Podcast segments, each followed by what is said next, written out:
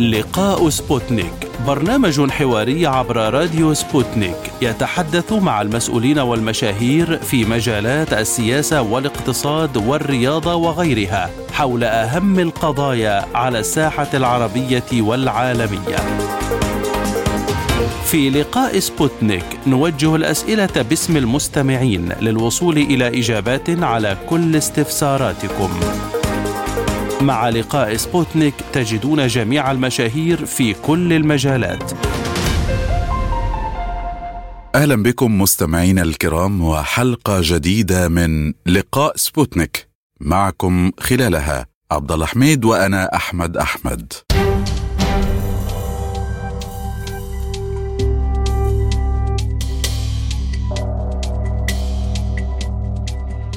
قال الرئيس الإيراني إبراهيم رئيسي إن سياسة الجمهورية الإسلامية الإيرانية بشأن العلاقات مع دول الجوار والإسلامية والصديقة يعتمد على التفاعل ولفت إلى أن مصر أعربت عن رغبتها في استئناف العلاقات مع إيران.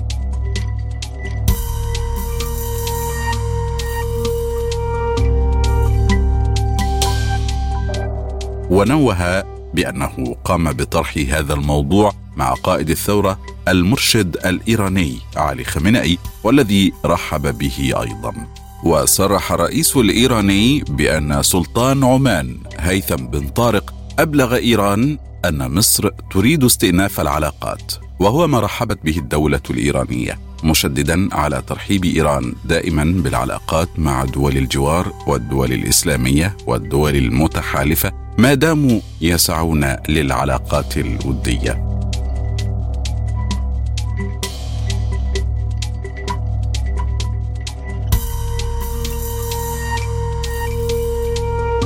وكان المرشد الإيراني الأعلى علي خامنئي قد أكد أخيرا أن بلاده ترحب باستعداد مصر لاستئناف العلاقات مع طهران.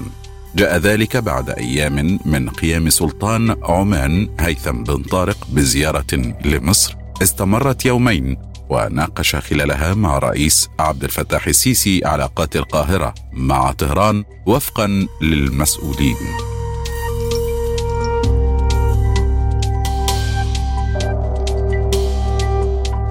وتتمتع عمان بعلاقات وثيقة مع إيران الإسلامية وغير العربية. وكثيرا ما تولت أدوار الوساطة في النزاعات الإقليمية أو في النزاعات التي تضع طهران ضد الحكومات الأخرى في العالم العربي وفي الغرب.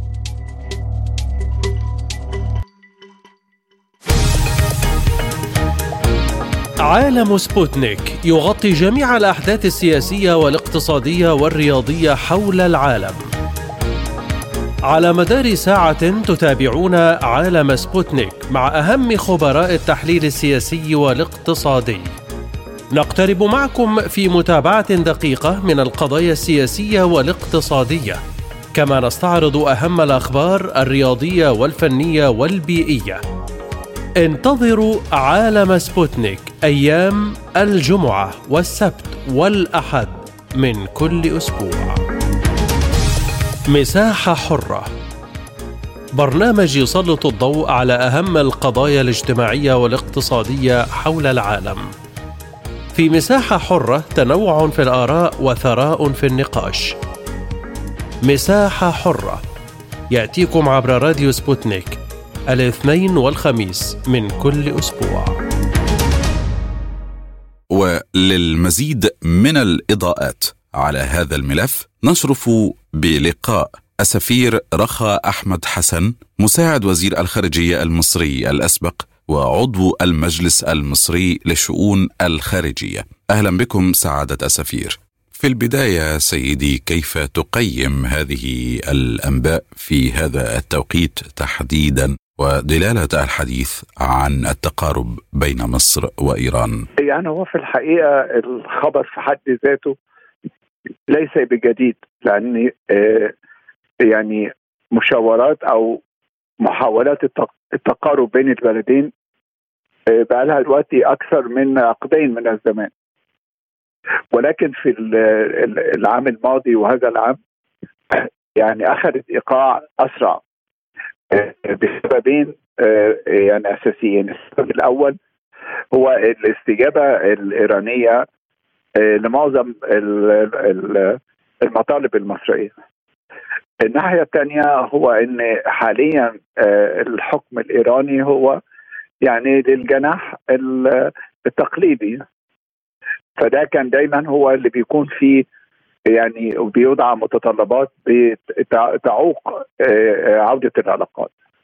فالنهاردة النظام القائم في إيران يعني بيرحب بعودة العلاقات. فأصبح في رغبة مشتركة لدي الطرفين لعوده العلاقات. النقطة الأخرى إن دول المعنية بالعلاقات مع إيران وهي دول الخليج وفي مقدمتها المملكة العربية السعودية بدأت علاقاتها تبقى طبيعية مع إيران على أساس التعاون بدل المواجهة والحوار بدل المقاطعة. فبالتالي هنا أصبح في اتجاه عام في المنطقة لتصالح الدول العربية مع دول الجوار خاصة تركيا وإيران. فبتأتي في هذا السياق. إذا من هذا المنطلق سيادة السفير نستطيع التساؤل هنا هل حان الوقت بالفعل لاستئناف العلاقات بين مصر وإيران بقوة كدولتين محوريتين في المنطقة؟ يعني بالتأكيد لأن في مصالح مشتركة بين مصر وإيران يعني إحنا عندنا في استثمارات إيرانية مستمرة منذ فترة الشاه إلى الآن في بنك مصر إيران يعني في في علاقات فتحت باب التأشيرات للإيرانيين لزيارة يعني أماكن آل آل البيت في مصر. من فبراير الماضي لسياحة دينية. فمن هنا في يعني توقع يعني توقع إن ربما يعني في المدى القريب يتم إعادة العلاقات بين البلدين. الرئيس الإيراني كذلك تحدث عن رغبة المرشد الأعلى في عودة هذه العلاقات. فما تعليقك؟ وهو هو ده اللي أنا أشرت له من إن يعني كان دايما الجناح التقليدي في إيران هو اللي بيكون متشدد الآن الجناح التقليدي بيرحب بما فيه المرشد الأعلى يعني في استقباله لسلطان عمان رحب بهذا وده على لسان أيضا وزير الخارجية وزير الخارجية حسين أمير عبد اللهيان هو أساسا يعني ده كان من حرس الاسلامي الثوري يعني فهو أيضا رحب ويعني قال إن هو بيتوقع إن قريبا تعاد العلاقات بين البلدين. فمن هنا يعني ده بيسهل المهمة وبيؤدي إلى إن ما تبقى من بعض التفاهمات ممكن يعني تجاوزها والتوصل إلى اتفاق يؤدي إلى استعادة العلاقات الدبلوماسية بين البلدين. من المعروف كذلك أن إيران تقدر قيمة مصر بشكل كبير، فلماذا تأخر هذا المسار؟ والله مسائل يعني إجرائية مرتبطة ربما ببقايا مؤثرات أمنية قديمة يعني بسبب كان يعني بعض الموضوعات الأمنية وعلاقات إيران ببعض الأطراف فده ربما يكون يعني يحتاج إلى توضيح أكثر يعني. لكن الأساسيات كلها تم تجاوزها ويعني ربما نرى قريبا يعني التوصل إلى اتفاق عودة العلاقات. خاصة وإن يعني البعض كان بيشير إن إن الولايات المتحدة الأمريكية ربما تمارس ضغطا من أجل هذا لكن لاحظنا إن وزير الخارجية الأمريكي أثناء وجوده في السعودية بلينكن يعني أشار في تصريح علني إن عودة العلاقات بين إيران والسعودية ده أمر جيد جدا طالما أنه يؤدي إلى الاستقرار والتهدئة. فده يعني نوع من عدم الاعتراض. يعني ما أقدرش ترحيب لكن عدم اعتراض وأيضا سعادة السفير ما دور وتأثير زيارة سلطان عمان الأخيرة لمصر وما العلاقة بمسألة التوسط في هذا الأمر. خاصة أن الرئيس الإيراني قال إن سلطان عمان أخبره مباشرة بأن مصر ترحب بالفعل بعودة العلاقات مع إيران. ده أعقب زيارة سلطان عمان لمصر لكل من مصر وإيران في كان زيارة رئيس وزراء العراق محمد شيع السوداني من من حوالي أسبوع أو يزيد قليلا. وهي أيضا العراق كانت بتقوم بدور أيضا وسط يعني كان كل من العراق وعمان يقومان بهذا الدور. فتناول هذا الموضوع أيضا في أثناء اللقاءات يعني. فبالتالي يعني الأمور بتسير في اتجاه عودة العلاقات. نعم. وهل حينها آه، عمان ستكون وسيطا في عودة هذه العلاقات؟ أم أكثر من وسيط؟ أم آه، مثلا آه، ستكون الاتصالات مباشرة بين الجانبين؟ هو يعني حصل في فترة من الفترات إن كان في اتصالات مباشرة. يعني في في التسعينات يعني تم إفاد آه، أحد كبار رجال وزارة الخارجية المصرية إلى طهران وعمل مفاوضات ف يعني ربما يتم في المرحلة القادمة لقاء مباشر سواء على المستوى الأمني أو على المستوى الدبلوماسي. كذلك وفي هذا الإطار سعاده أسفير إيران دائما ما تنظر إلى مصر على أنها صاحبة حضارة تاريخية كبرى وعريقة بالطبع تتوازى حضارة إيران. فهل لهذا التاريخ علاقة تدفع في ذلك الإطار نحو التقدم في العلاقات بين الجانبين؟ هو ده أساس يعني بيبقى دايما آه، يعني القاعدة العريضة أو كما يقال الدولة العميقة لأن هو طبعا كما أشرت إن مصر وإيران من دول ذات الحضارة القديمة في المنطقة وبالتالي لديها آه، مؤسسات يعني ونضج سياسي وقدرة على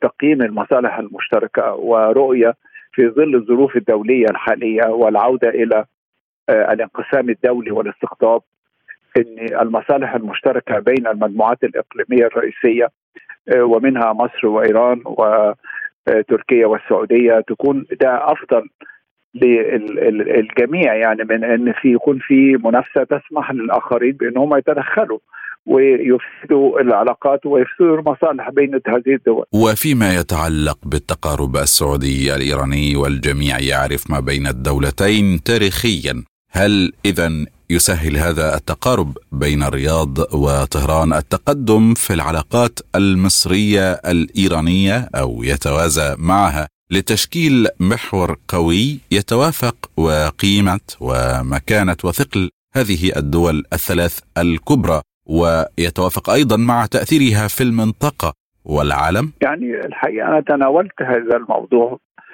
في كتاباتي منذ يعني بداية القرن الواحد والعشرين لو بصينا لو نظرنا إلى علاقات السعودية بإيران في 2015 و2014 هنجد إن التعاون والحوار المفتوح والزيارات المتبادلة ولكن يعني تم إفساد هذه العلاقة بصورة أو بأخرى لأن من غير الواقعي أن نتحدث عن أمن الخليج دون أن تكون إيران طرف أساسي وفاعل في أمن الخليج.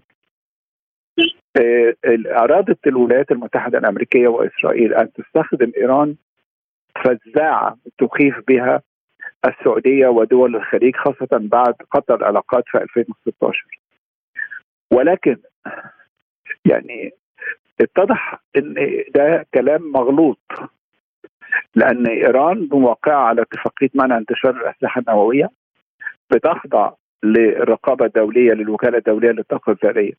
بينما نجد أن دولة أخرى هي حليف للولايات المتحدة الأمريكية لديها أسلحة نووية ولا تخضع لأي رقابة وهي إسرائيل. فمن هنا اتضح تناقض في الموقف الأمريكي وإن هو بيكيل بمعيارين بدرجة فيها مغالطة كما حصل في مغالطة غزو العراق. فبالتالي اكتشفت الدول الخليجية تعاملها وعودة علاقتها مع إيران هي الأفضل للطرفين. وهي التي تخفف من ضغوط الولايات المتحدة الأمريكية عليها. إلى جانب الاتجاه الاستقلال يعني النسبي لكل من السعودية والإمارات وبعض الدول الخليجية عن عن الضغوط الأمريكية والاتجاه شرقا نحو الصين وروسيا.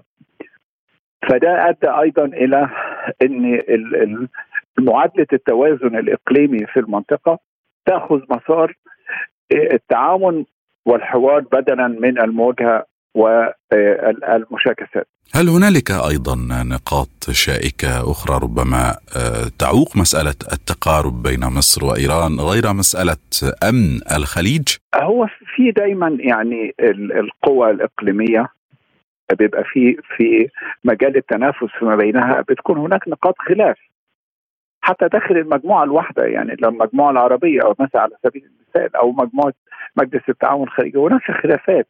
ولكن تغليب وتعظيم المشترك والتعاون يؤدي إلى حصار هذه الخلافات ووضعها في إطار معين لمناقشتها لأنها يعني أقل بكثير من المصالح المشتركة.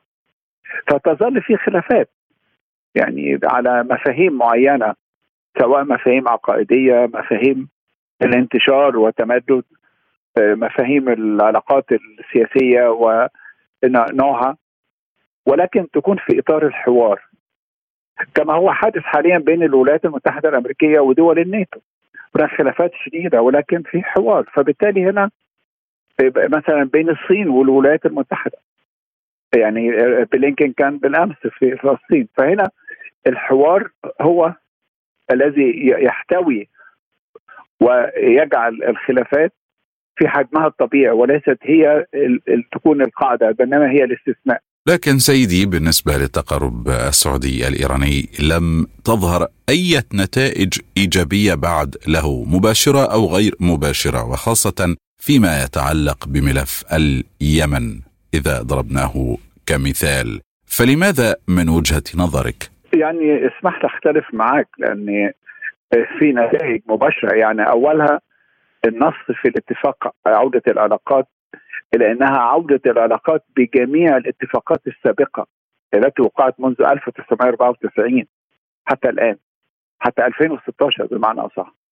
فهنا معناه ان يعني كان في تجاوز الفترة من 2016 ل 2023 والانتقال كأنها فترة يعني ثغرة تجاوزها وبداية تنشيط هذه العلاقات. أدي الناحية الأخرى الملاحظ إن في اليمن لأول مرة آه، على مدى 16 شهر الآن آه، في وقف للقتال وفتح المطارات. والأول مرة طائرة تحمل الحجاج مباشرة من صنعاء للسعوديه آه، المفاوضات مستمرة ما بين الحوثيين وما بين الحكومة بوساطة آه، عمانية ووجود آه، سعودي معها.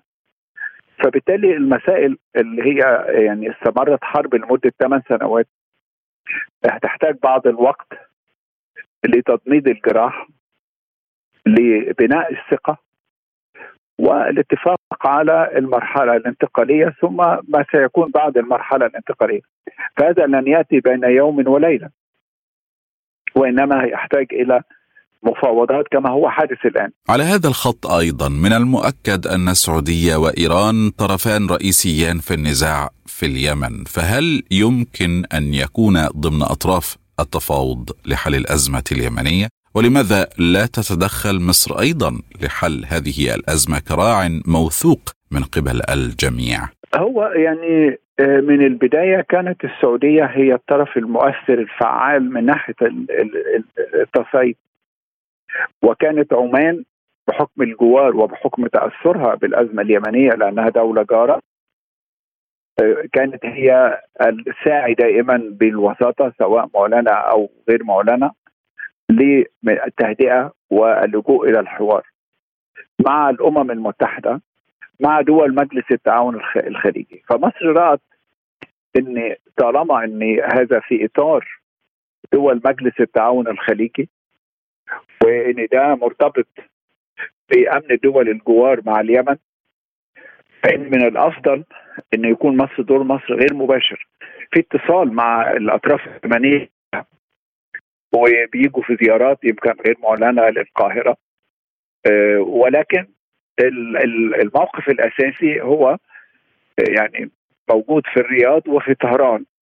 طهران بطريقة غير مباشرة عن طريق تليين موقف الحوثيين. آه، وبالنسبة للسعودية أيضا بالنسبة مساعدة الحكومة على إنها تتجاوب بحيث يعود إلى المبادرة الخارجيه مع مخرجات المؤتمر المصالحه اليمنية مع قرار مجلس الأمن 2216 هذه هي المرجعيات التي يتم الآن التفاوض لعودة السلام وتسوية المشكلة اليمنية. بالعودة إلى مصر وإيران سعادة سفير. هنالك خبراء كثيرون تحدثوا عن محور مهم يمكن تشكيله وهو مصر وإيران وتركيا. فهل هذا هو القادم؟ الخطوة المقبلة وخاصة بعد التقارب المصري التركي على التوازي؟ يعني مصر لا تؤمن بالمحاور يعني هو أن تؤمن بالتعاون. ربما يكون في في إطار المجموعة العربية. إحنا في ما عندنا في تعاون بين مصر والأردن والعراق في تعاون بين السعودية والإمارات.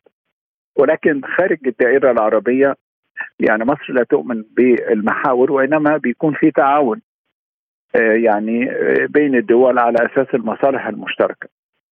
ولضمان أمن واستقرار المنطقة لكن مسألة محاور يعني في اختلاف اختلاف كبير بين إيران وتركيا يعني اللي بيحد منه المصالح الاقتصادية والتجارية والعلاقات التجارية بين تركيا و... وإيران وتركيا بتعتبر إن هي يعني منفذ لتصدير سلعها لإيران والعكس فبالتالي هنا ما فيش يعني. الرابط لدرجة إنه يتحول إلى محور يعني غير موجود. وإذا كان العالم ذاته يتجه إلى هذه التحالفات ومثل هذه التكتلات سعادة أسفير وإن اختلفت التسميات بالطبع ما كان في السابق ومنذ أكثر من نصف قرن. إذا هل هذا الاحتمال قائم لهذا المحور أو هذا التحالف الثلاثي الكبير في المنطقة؟ مصر إيران تركيا؟ هو التعاون يعني أنا يعني أرى يعني حسب رؤيتي ربما يكون هناك أشياء أخرى ولكن وفقا لما أراه ان سيكون يعني شيء تقدم ملموس لو حصل فيه تحول من المنافسة الحادة إلى التعاون الإيجابي. لأن التركيز المجموعة مجموعه الدول العربية منذ قمة الجزائر ثم قمة جدة هو على لم الشمل العربي اولا. لأن هذه الأطراف الجوار ما زالت ما زالت ضالعة في بعض الأزمات العربية. فإلى أن تتخارج من هذه الأزمات هيزداد التعاون. هل هيتحول إلى درجة محور؟ هناك اختلاف. يعني تركيا عضو في الناتو. فكيف ستقوم محورا مع مع دول؟ يعني ليست عضوا في الناتو. إيران لها مصالح كبيرة في منطقة الخليج. وما وراء منطقة الخليج. يعني لها في أذربيجان وفي غيرها من الدول الوسط في آسيا الوسطى وتركيا لها مصالح أيضا. فهنا بالتالي في تنافس بين ال ال ال القوى الثلاثة. لو تحول إلى هذا التنافس في إطار تعاون فده يعني أعتقد إن هو ده المستقبل المنظور يعني. بالنسبة لإسرائيل ودورها في المنطقة هل يمنع من هذا التقارب المصري الإيراني؟ لا يعني إسرائيل في الحقيقة أصبحت يعني خطر على الاستقرار في المنطقة. يعني الحكومة الإسرائيلية الحالية واتجاهها إلى الأيديولوجية الدينية وتصعيد هذا التصعيد ورفض حقوق الشعب الفلسطيني رغم إنها لم تقبل في الأمم المتحدة إلا باعترافها بقرار تقسيم فلسطين إلى دولتين دولة فلسطينية ودولة إسرائيلية. فهذا بيجعلها مصدر عدم استقرار مصدر توتر اعتداءاتها على سوريا المستمرة بدون مبرر. اعتداءاتها على الفلسطينيين احتلال من نوع يعني من أسوأ أنواع الاحتلال. الاحتلال استيطاني يرفض حقوق الشعب ويعتبر الشعب إرهابي لأنه بيدافع عن حقه. فده يعني حقيقة موقف إسرائيل اسم غريب في المنطقة. أنها تقبل الاندماج ولا تقبل أنها تتعايش مع دولة فلسطينية وفقا لحل الدولتين. يعني إلى الآن كل المسؤولين الإسرائيليين بيتهربوا من هذا الالتزام. فبالتالي ما زالت دولة يعني ترانسبلانتد يعني مزروعة في المنطقة. لم تقبل أن تندمج وتصبح عضوا في مجموعة الشرق الأوسط. بتعتقد إن هي لها تفوق بتنتمي إلى الدول الأوروبية تحت مظله الحماية الأمريكية. هي الولاية 51 في الولايات المتحدة الأمريكية.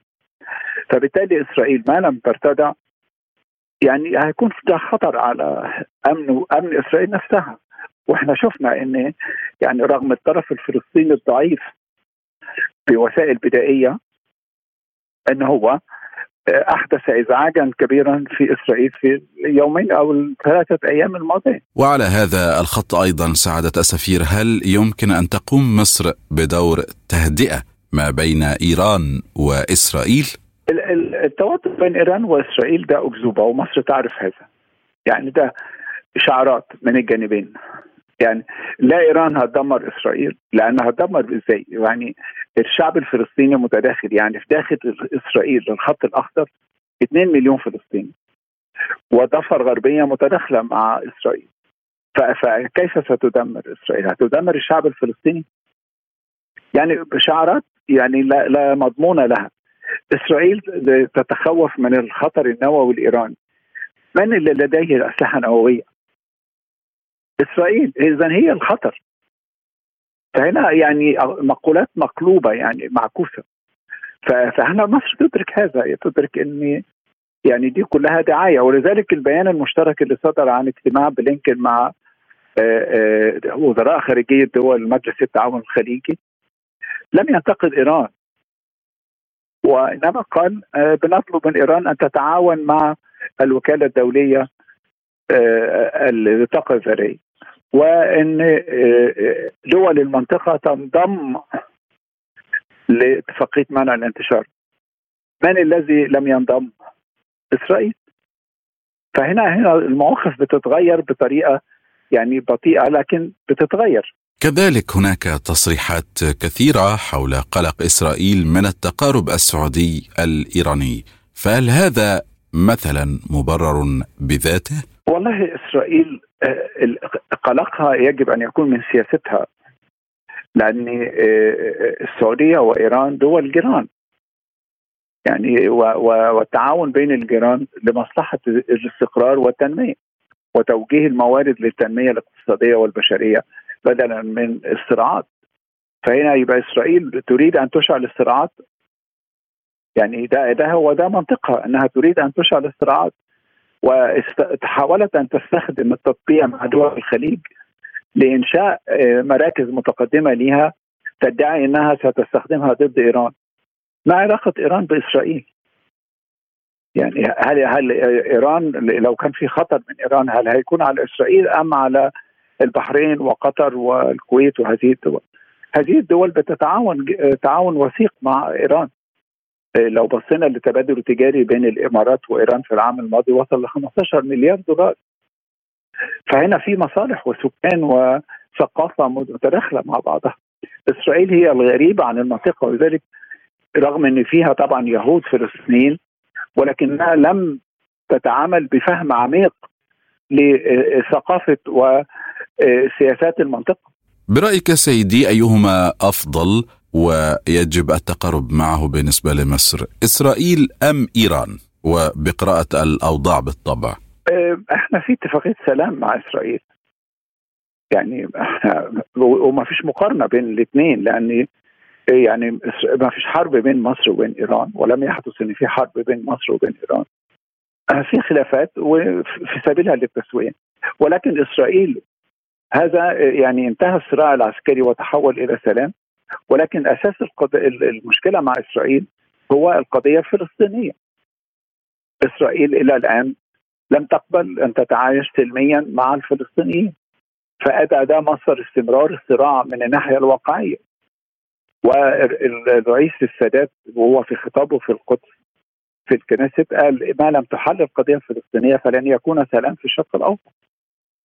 فهنا إسرائيل مش بس يعني بالنسبة لمصر وإنما بالنسبة لكل دول الطوق المحيطة بها خطر على لبنان على سوريا على الأردن على فلسطين على مصر فهنا طالما إنها دولة رافضة إنها تلتزم بالقانون الدولي إنها تنفذ تحترم حقوق الإنسان تلتزم بما يتم الاتفاق عليه في أوسلو أو في خارطه الطريق. كل هذا ضربت به عرض الحائط فبالتالي من أين ياتي الخطر؟ نريد أن نذكر المستمع الكريم بأسباب القطيعة بين مصر وإيران طوال السنوات الماضية كأساس لما حدث فيما بعد. ولماذا تأخر هذا التقارب الذي يراه متابعون طبيعيا بين الجانبين؟ إحنا قلنا إن كان في دايما الطرف اليميني في الحكم في إيران لا يستجيب للمطالب المصريين الجناح المتشدد هو الذي كان دائما يؤجل هذا. الآن آه الأمور تغيرت والصورة العامة في المنطقة كما تحدثنا الآن مدة يعني بقى لنا أكثر من ثلث ساعة بنتكلم آه الظروف تغيرت في المنطقة تغيرت الظروف العالمية في توازنات قوة جديدة فبالتالي كل هذا بيدعو إلى التعاون والتقارب بدلا من المواجهة. ولماذا يوجد شعور بصمت واضح في مصر حول هذا الملف الإيراني تحديدا صمت من الجميع وفي الدوائر العامة والأوساط السياسية والصحفية كذلك وكأنه ما زال وسيظل ملفا حساسا غير مطروح للنقاش. لا هو مش صمت يعني هو المسألة بيبقى فيها جزء الجزء إذا كان في جزء أمني فده بيبقى بيتناول على مستوى يعني بعيد عن الإعلام لكن الوساطة والمفاوضات يعني بتتداول يعني إن في توجه لاستعاده العلاقات مع إيران وماذا عن الفوائد المتوقعة نتيجة هذا التقارب المصري الإيراني إذا حدث بشكل مباشر أو غير مباشر وعلى المدى القريب أو البعيد؟ سعادة السفير بالتأكيد هتفتح مجال للعلاقات زيادة التبادل التجاري زيادة الاستثمارات المتبادلة بين البلدين. فهيكون في تعاون يعني أوسع يعني كما يعني متوقع أن يحدث مع تركيا في المرحلة القادمة. فده بيبقى يعني إذا كانت العلاقات مجمدة عند مستوى معين من التعاون التجاري والاقتصادي فده هيبقى فيه الفرص مفتوحة شأنها شأن مع الدول الأخرى لمن يقدم عرضا أفضل فيكون له الفرصة في الأولوية في الفرصة. أيضا كانت إيران قد أعلنت الأسبوع الماضي عن لقاء مرتقب على مستوى وزراء الخارجية، فهل يمكن أن يتحدد موعده قريبا؟ يعني أنا ما عنديش معلومات لكن هل هيكون يعني مباشر بحيث يكون ترتيب لقاء خاص على هذا اللقاء أم إن هو يكون على هامش اجتماع معين؟ يعني أنا ليس لدي معلومات عن يعني توقيت عقد اللقاء على هذا المستوى. عضو البرلمان الإيراني فدا حسين مالكي أنه قال في مرحلة مقبلة سيكون هنالك اجتماع على مستوى رئاسي أي بين رئيسي البلدين إيران ومصر. وأشار إلى أنه قبل هذه اللقاءات سيتم الإعلان أيضا عن إقامة العلاقات بين إيران ومصر فعليا. فما حقيقة كل هذه الأخبار والتقارير. يعني أنا كما قلت لدي المعلومات عن جدول ولكن هو ربما النائب البرلماني بيقيس على نفس المسار اللي حصل مع تركيا. إن تركيا تم اللقاء بين الوزراء وزراء الخارج وزراء الخارجية ثم المحادثات بين الرئيسين ثم الاتفاق على عودة العلاقات. والآن بيتم الإعداد لتبادل زيارة لقاء للرئيسين فهو ربما بيقيس على هذا. وهل هذا التقارب والتعاون المصري الإيراني سيشمل سائر الملفات والقضايا أم سيكون على المستوى السياسي فقط؟ يعني هل يمتد إلى المستوى الاقتصادي والثقافي والديني والأمني والعسكري كذلك؟ يعني إحنا بنتكلم على يعني في البداية إعادة العلاقات. إعادة العلاقات بتفتح هذه المجالات لن تأتي كلها فجأة يعني بتأتي بالتدريج. يعني طبعا أول شيء سيكون العلاقات التجارية والاقتصادية بين البلدين. يعني ده النهارده هو ده الهم الأعظم اللي بيشغل بال الدول هو أن الشأن التجاري والاقتصادي ثم تأتي تباعا بعد ذلك حسب تطورات العلاقات بقية المسائل الأخرى. وبالتأكيد بيكون في الخلفية دايما هو الاتصالات الأمنية. يعني إحنا لاحظنا إن العلاقات التركية مثلا مع مصر بدأت امنيا والان مع سوريا بدأت امنيا. فبالتالي ممكن لازم يبقى في العامل الأمني دايما في الخلفية. يعني. وماذا أيضا عن مستوى التمثيل الدبلوماسي المنتظر والمجدول لهذه العلاقة؟ بين مصر وإيران؟ إحنا حاليا بالرغم إن هو قسم رعاية مصالح إلا إن في سفير بدرجة سفير يعني full ambassador مصري موجود رئيس قسم رعاية المصالح في طهران و full ambassador سفير أيضا إيراني موجود في القاهرة الذي يعني سيتم هو جعل هذا رسميا يعني ما يبقاش مجرد وجود de facto وجود فعلي إنما سيتم إعلان أنه سفير ويقدم أوراق اعتماده لرئيس الدولة بدلا من إن رئيس رعاية المصالح بيقدم أوراقه لوزير الخارجية فهنا هتبقى في رفع العلاقات إلى مستوى السفارة لأنها علاقات على مستوى رعاية المصالح الآن. ختاما سعادة السفير وبالنظر إلى خبرتكم الدبلوماسية في الخارجية المصرية، ما هي توصيتكم الشخصية حول ملف التقارب المصري الإيراني؟ يعني شخصيا هل ترى أن الوتيرة تسير كما يجب؟ هل هنالك مثلا خطوات كان يجب أن يتم اتخاذها أو حتى عدم اتخاذها أن يتم تفاديها. هل مثلا ينبغي أن يكون هنالك حديث عن شروط أو بنود؟ هل ترى الحديث عن تسريع التحركات أم عن إبطائها؟ يعني أنا منذ التسعينات إلى الآن وأنا يعني شخصيا انادي على المستوى الرسمي والمستوى العام بأهمية وضرورة عودة العلاقات الطبيعية بين إيران وجميع الدول العربية بحكم الجوار وبحكم المصالح المشتركه المتداخلة من كافة الجوانب وإن كلما تم الاسراع به كلما تم الحد من النفوذ الأجنبي الذي يستخدم الخلاف بين إيران وبين الدول العربية لمصلحته وللإضرار بالمصالح العربية. فده يعني كان مطلبي منذ التسعينات حتى الآن. فيعني نامل أن يكون تعود العلاقات بأسرع ما يكون بما يخدم مصالح الطرفين المصري والإيراني والعربي والإيراني. في ختام هذا اللقاء نتوجه بجزيل الشكر والامتنان لسعادة السفير رخا أحمد حسن المساعد الأسبق لوزير الخارجية المصري وعضو المجلس المصري للشؤون الخارجية. شكرا جزيلا لك. الشكر كذلك موصول لحضراتكم مستمعينا الأكارم. والآن نستأنف معا فقرات هذه الحلقة من لقاء سبوتنيك. وإلى الزميل عبد الله حميد. شكرا للزميل أحمد أحمد. ونكمل فقرات لقاء سبوتنيك لكن بعد هذا الفاصل القصير. عالم سبوتنيك يغطي جميع الأحداث السياسية والاقتصادية والرياضية حول العالم. على مدار ساعة تتابعون عالم سبوتنيك مع أهم خبراء التحليل السياسي والاقتصادي. نقترب معكم في متابعة دقيقة من القضايا السياسية والاقتصادية، كما نستعرض أهم الأخبار الرياضية والفنية والبيئية. انتظروا عالم سبوتنيك أيام الجمعة والسبت والأحد من كل أسبوع. ملفات ساخنة برنامج يسلط الضوء على أهم القضايا الحرجة في العالم. في ملفات ساخنة نستعرض القضايا مع جميع الأطراف ومن كل الزوايا لاستجلاء الحقيقة. ملفات ساخنة يستضيف أهم الخبراء وأجرأ الضيوف.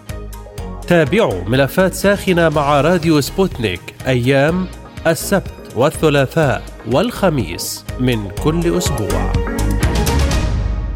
أهلا بكم مجددا. في هذا الملف أيضا وهو التقرب المصري الإيراني قالت طهران إنها تريد علاقات أفضل مع مصر الدولة العربية الأكثر سكانا ومع ذلك التزمت الحكومة المصرية الصمت بشأن العلاقات مع إيران ولكن وسائل الإعلام الإقليمية كانت تتحدث عن تحسن وشيك في العلاقات خلال الأسابيع الأخيرة.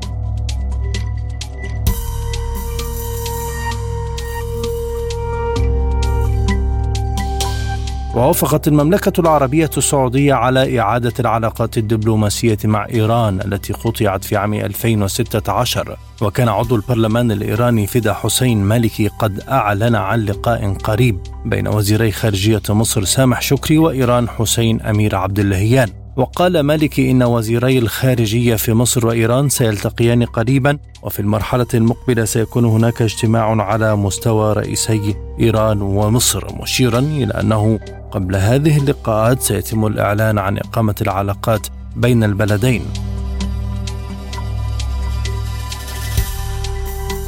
وفي الثلاثين من مايو أيار الماضي أوعز الرئيس الإيراني إبراهيم رئيسي لوزارة الخارجية باتخاذ الإجراءات اللازمة لتعزيز العلاقات مع مصر.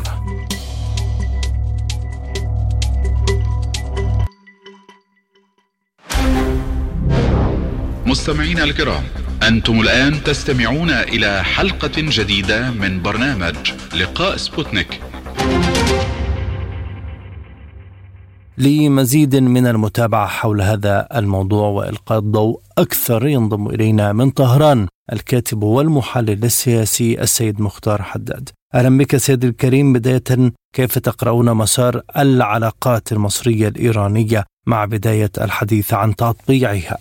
أهلا بكم وتحية لكم ولمستمعيكم الكرام. في الحقيقة يعني هناك صحيح بأنه بين إيران ومصر التمثيل الدبلوماسي هو على مستوى مكاتب رعاية المصالح. ولكن كما تعرفون يعني العلاقات هي الآن كذلك يعني مباشرة، هناك يوجد تواصل مباشر بين مسؤولي البلدين، يعني لقاءات مباشرة تمت في هذه السنوات، تواصل بين وزراء خارجية البلدين وحتى مكاتب رعاية المصالح والتمثيل الدبلوماسي. يعني هو يعني يوجد موظفين عدد كبير من الموظفين سواء من الدبلوماسيين المصريين في طهران أو الدبلوماسيين الإيرانيين وحتى يعني من يرأس مكاتب رعاية المصالح هم يعني برتبة سفير ولكن يعني كما تعرفون وبعد قطع العلاقات لفترة بين إيران ومصر وعودتها على شكل مكاتب رعاية المصالح بقيت يعني العلاقات الدبلوماسية على مستوى مكاتب رعاية مصالح. وهناك يعني لم تكن آه العلاقات بذلك المستوى الكبير. صحيح أنا ذكرت هناك يوجد اتصالات يوجد لقاءات يوجد يعني تواصل بين وحتى لقاءات بين وزراء الخارجية وحتى زيارات تمت يعني خلال هذه السنوات. ولكن يعني الآن البلدان يسعيان إلى عودة العلاقات كاملة تعزيز العلاقات. يعني سلطان خلال زيارته الأخيرة إلى إيران والذي قبل ذلك هو كان يزور القاهرة يعني حمل رسالة من الجانب المصري بأن مصر كذلك مستعدة لعودة العلاقات كاملة وإيران على لسان يعني أكبر مسؤول وهو قائد الثورة رحبت بعودة العلاقات بين إيران ومصر خاصة يعني البلدان هم بلدان مهمان جدا في هذه المنطقة وفي نهاية المطاف يعني عودة العلاقات بين الجانبين سيخدم يعني مصالح الشعبين وسيؤثر ايجابا بشكل كبير يعني على التطورات والأحداث في المنطقة. وأنا باعتقادي يعني نحن الآن في الخطوات الأخيرة من تحقق هذا الأمر نظرا يعني لجدية الجانبين ورغبة الجانبين وهذه الرسائل المتبادلة المهمة من أجل تعزيز وعودة العلاقات كاملة. إلى ماذا تحتاج العلاقات بين البلدين لإنهاء الخطوات الأولية وتطبيع العلاقات بشكل أسرع؟ يعني أنا باعتقادي يعني يريد نية جادة يعني يريد تحرك جاد وهذا الذي الآن بدأنا نشهد بوادره ونشهد يعني تحققه. يعني هناك الآن لا توجد ملفات شائكة بين إيران ومصر أو تؤثر على العلاقات بين إيران ومصر. يعني المشتركات بين إيران ومصر أكثر من النقاط الخلافية يعني النقاط الخلافية هي لا توجد الآن نقاط خلافية كبيرة ومهمة بين إيران ومصر. يعني حتى يعني في التطورات التي حدثت في المنطقة هناك كانت مشتركات كبيرة يعني بين إيران ومصر. فباعتقادي يعني الآن هذا الأمر بحاجة إلى تحرك جاد وهذا ليس بعيدا. يعني لن نستغرب إذا نرى خلال الأشهر القليلة القادمة عن اللقاء بين الرئيسين الإيراني والمصري. وهناك يعني توجد الآن فرص وتوجد الاقتراحات لمثل هذا اللقاء وسلطنه عمان يعني الآن تتابع بجدية تحقق هذا الأمر. من المعروف أن إيران تقدر قيمة مصر بشكل كبير، فلما فلماذا تأخر هذا الأمر تطبيع العلاقة أو عودتها؟ الحقيقة يعني باعتقادي هناك كانت عوامل خارجية تؤثر يعني على عودة هذه العلاقات كاملة يعني هنا في إيران يعني الشعب الإيراني والجمهورية الإسلامية تحترم الشعب المصري بشكل كبير وهناك يعني إيران لديها اعتقاد كبير يعني في سياستها الخارجية بأن مصر لديها دور محوري في هذه المنطقة وهي دولة مهمة وتلعب دورا كبيرا يعني في القضايا الإقليمية. ولكن برأيي التأخير لتحقق عودة العلاقات بين هاتين الدولتين الكبيرتين هو يعود إلى عوامل خارجية. يعني ترون هناك عوامل خارجية دول ثالثة دائما يعني تشعر بالخطر عندما ترى بأنه هناك دول المنطقة تريد أن تقوم بحل مشاكلها فيما بينها، أنا اذكر نموذجا. يعني عندما عادت العلاقات بين إيران والسعودية رأينا بأنه الكيان الصهيوني كان أكبر منزعج لعودة هذه العلاقات، لأنه أصلا هذا الكيان معروف هو يعيش على استمرار الخلافات والأزمات في المنطقة، فباعتقادي يعني هذا الكيان هو من أكبر المعارضين لعودة أو لحل المشاكل في المنطقة، فلذلك باعتقادي الآن آه، إيران ومصر تجاوزا يعني تدخلات الأطراف الثالثة الذي يعني أرادوا أن لا تتحقق أو تحل المشاكل بين دول المنطقة، وباعتقادي الخطوة الكبيرة التي اتخذتها إيران والسعودية هي ستساعد على حل الكثير من هذه الملفات العالقة. الرئيس الإيراني تحدث عن رغبة المرشد الأعلى في عودة هذه العلاقات مع القاهرة كما تفضلتم، فما هي الاستفادة العائدة على طهران في المستويات المختلفة؟ نعم يعني أنا ذكرت إيران ومصر دولتان مهمتان محوريتان في المنطقة، هذا من الجانب الاقتصادي أنا أذكر مثالا، يعني إيران ومصر إلى جانب بعض يشكل قوه اقتصادية. يستطيع أن من خلال العلاقات الاقتصادية أن يخدم مصالح الشعبين يعني. وهذا سينعكس ايجابا على الشعبين نظرا لقوة البلدين والإمكانيات لدى البلدين في هذا المجال، من الناحية السياسية يعني نظرا لأهمية دور هذه الدول وحتى الجانب حتى من جانب التعاون الدفاعي كذلك يعني. يعني يستطيعا البلدين أن يلعبا دورا في إحلال الأمن والاستقرار في المنطقة بدلا من تدخلات يعني الدول الخارجية هذه الدول التي جاءت من ما وراء المحيطات وتقول بأنها تريد إحلال الأمن في هذه المنطقة. عندما هناك توجد قوتين كإيران ومصر ولديهم علاقات الآن طيبة مع دول المنطقة يستطيعان يلعب دورا مهما في إحلال الأمن والاستقرار. كذلك من خلال التعاون السياسي يستطيع أن يحقق يعني تطورات مهمة في هذه المنطقة خاصة يعني في إحلال الاستقرار في المنطقة. يعني نرى هناك الآن مشاكل تحدث يعني في هذه المنطقة وهذه المشاكل كبيرة يعني أحيانا بعضها يعني يؤثر على عدد كبير من الدول. وك يعني دولتين كبيرتين كإيران ومصر من خلال هذا التعاون السياسي يستطيع مواجهة هذه الأزمات، المساعدة على حل هذه الأزمات، ولكن في نهاية المطاف العائد الكبير لهذه العلاقات هو تحقيق مصالح البلدين بما يخدم يعني مصلحة الشعبين الإيراني والمصري هذين الشعبين الذي يتمتع بحضارة كبيرة ويعني هناك دائما يعني كنا نرى هذا الحب من جانب الشعب الإيراني باتجاه الشعب المصري وبعتقد يعني هذا الحب وهذه الأخوة هي أخوة متبادلة. طيب أستاذ مختار مع الدور المهم لسلطنة عمان في المنطقة و دورها الوسيط بين الرياض وطهران لكن في العلاقة مع مصر هل تكون بوساطة أم ستكون الاتصالات بشكل مباشر؟ لا يعني هناك توجد قلت يعني اتصالات مباشرة يعني هناك كانت توجد زيارات دائما بين مسؤولي البلدين يعني عدة مرات وزراء خارجية مصر زاروا الجمهورية الإسلامية شاركوا في مؤتمرات على حدث عكس ذلك يعني هناك دائما كانت توجد اتصال مباشر. يعني في قمة مثلا بغداد اثنين في الأردن وزير أمير عبد اللهيان تحدث مع الرئيس عبد الفتاح السيسي التقى نظيره المصري وهناك توجد اتصالات مباشرة. ولكن يعني الوساطه العمانية هي ستكون داعم لتحقق أو لتحريك هذا الملف وكذلك يعني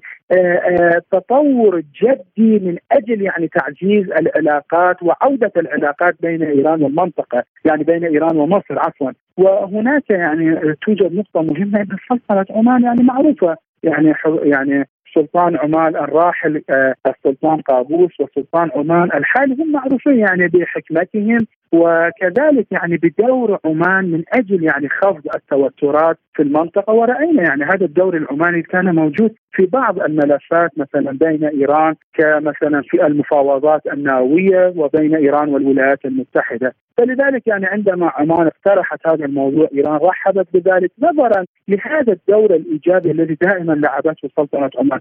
ولكن في المرحلة القادمة وعندما أصبحت الأمور جاهزه أكثر باعتقاد يعني هذه المفاوضات وهذه الاتصالات ستكون مباشرة وسنرى يعني عودة العلاقات بين إيران ومصر لن يستغرق وقتا طويلا وحتى أن ممكن أن يكون سريعا. هناك خبراء يتحدثون عن محور مهم يمكن تكوينه مستقبلا هو مصر إيران تركيا، هل هذا هو القادم خاصة بعد التقارب المصري التركي؟ آه نعم هذا ليس مستبعدا يعني مصر إيران والسعودية وتركيا وحتى ممكن أن ينضم إلى هذا المحور آه يعني دول أخرى. لأنه الآن يعني إحنا انتهينا من عالم القطب الواحد، صحيح الأمريكان حتى الآن يسعيان لفرض القطب الواحد ولكن الآن نحن انتهينا من عالم القطبين والقطب الواحد ونحن دخلنا يعني في عالم الجبهات والمحاور والتكتلات.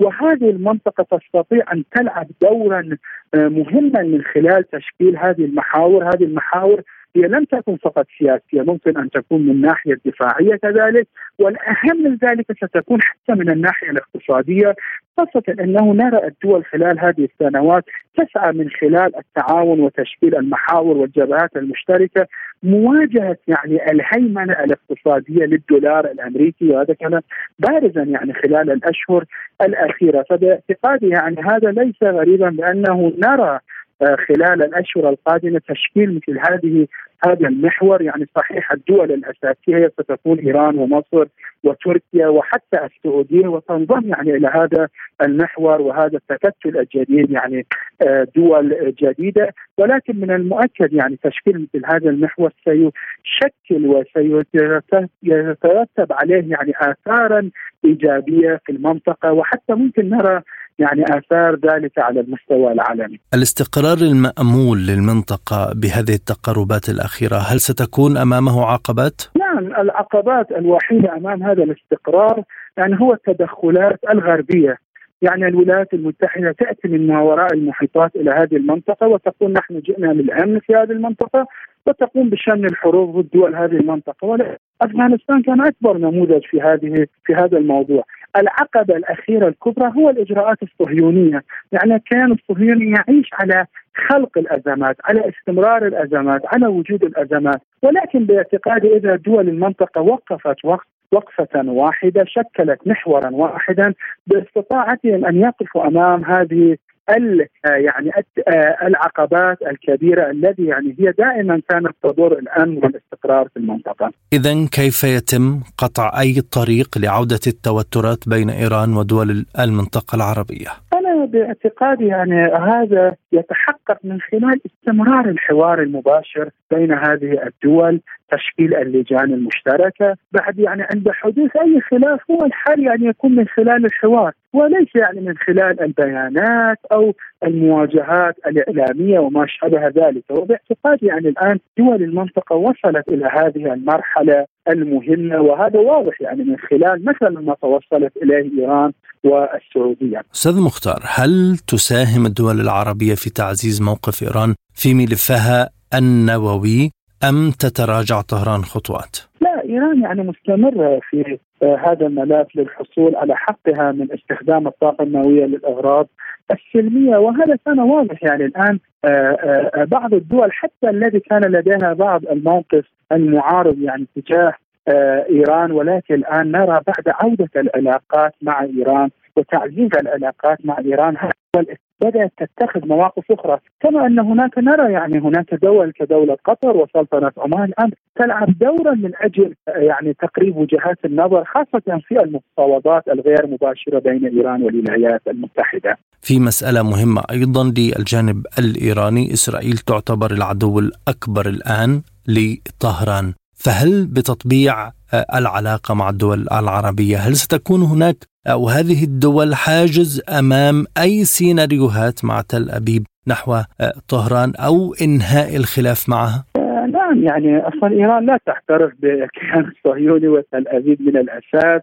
فيعني إيران لا تريد أن تلعب هذه الدول دورا للوساطة بين إيران والكيان الصهيوني، إيران موقفها واضح، إيران تقول نحن ندعم المقاومة الفلسطينية وندعم من يقف بوجه هذا الكيان الصهيوني من أجل إنهاء الاحتلال، فلذلك يعني هذا الكيان صحيح يقوم باستعراضات يعني إعلامية يقول نحن نريد أن نهاجم إيران أو أحيانا قام ببعض العمليات الإرهابية المحدودة ولكن إيران يعني هي بنفسها تواجه هذا الكيان ترد على هذا الكيان وهي ردت على هذا الكيان في هذه الحرب الأمنية الذي يقوم بها هذا الكيان يعني من أجل الإضرار بأمن إيران القومي. وباعتقادي يعني آه هنا يوجد يعني موضوع آخر يعني. دول المنطقة من خلال تعزيز العلاقات تقوية العلاقات باستطاعتها أن تقف بوجه يعني آه، هذا الكيان الذي تضر بأمن المنطقة واصلا من الأساس تستطيع أن تقف صفا واحدا إلى جانب الشعب الفلسطيني لي يعني مواجهة هذا الكيان وإنهاء هذا الاحتلال الصهيوني الذي يعني هو يشكل غدة سرطانية في هذه المنطقة. مع المعطيات الأخيرة ما تصوراتكم للعلاقات الثنائية بين إيران والدول العربية في المرحلة المقبلة؟ برأيي يعني هذه العلاقات هي في تطور إيجابي سنشهد يعني تعزيز العلاقات مع هذه الدول والملف الاقتصادي هو سيكون ملفا بارزا في تعزيز العلاقات بين إيران ودول المنطقة، يعني نحن سنشهد في المرحلة القادمة بين إيران والسعودية تعزيز هذا الملف، تعزيز هذا الملف مع الإمارات، تعزيز هذا الملف مع دول عربية أخرى. وهو يعني تعرفون يعني دائما الملف الاقتصادي هو يكون جانب مهم في العلاقات بين الدول. فباعتقادي نحن في المرحلة القادمة سنرى يعني آه هذه آه العلاقات ستعود إلى طبيعتها بل ستكون هي إيجابية وحتى يعني ليس من الغريب أن نقول سنشهد يعني في المرحلة القادمة آه، يعني أن تصبح العلاقات بين إيران والسعودية كمثال يعني هي تصبح علاقات استراتيجية. برأيك هل تنتهي الأزمات في المناطق الساخنة في منطقة الشرق الأوسط أم ستكون هناك أوراق تلعب بها الدول على المستوى السياسي؟ يبدو دول المنطقة يعني تريد أن تتعامل مع بعض من أجل عودة الاستقرار والأمن إلى هذه المنطقة ولكن باعتقادي دول هذه المنطقة تستطيع منع يعني حدوث هذه الأزمات أو مواجهة هذه الأزمات من خلال منع التدخلات الخارجية خاصة من الدول الثالثة الذي هي خارجة عن هذه المنطقة. فالحل لمواجهة يعني هذه الأزمات هو تدخلات الدول التي تأتي من خارج هذه المنطقة ومعروف يعني أبرز هذه الدول هي الولايات المتحدة الأمريكية. ولكن باعتقادي الآن دول المنطقة تذهب نحو التعاون من أجل تحقيق الاستقرار في هذه المنطقة. ما هو المتوقع للعلاقة مع القاهرة؟ هل لها وقت محدد؟ أنا باعتقادي يعني العلاقة بين إيران ومصر وتطبيعها وعودتها كاملة هذا لن يستغرق يعني وقتا طويلا جدا إذا هناك يعني كانت يعني المساعي تكون جادة وهناك نرى تحرك أكبر في هذا المجال، ولكن باعتقادي هذه العلاقات هي ليست بعيدة وممكن أن نراها يعني خلال الأشهر القادمة القليله القادمة يعني. نحن نشكرك جزيل الشكر سيد مختار حداد الكاتب والمحلل السياسي، كنت معنا ضيفا كريما من طهران.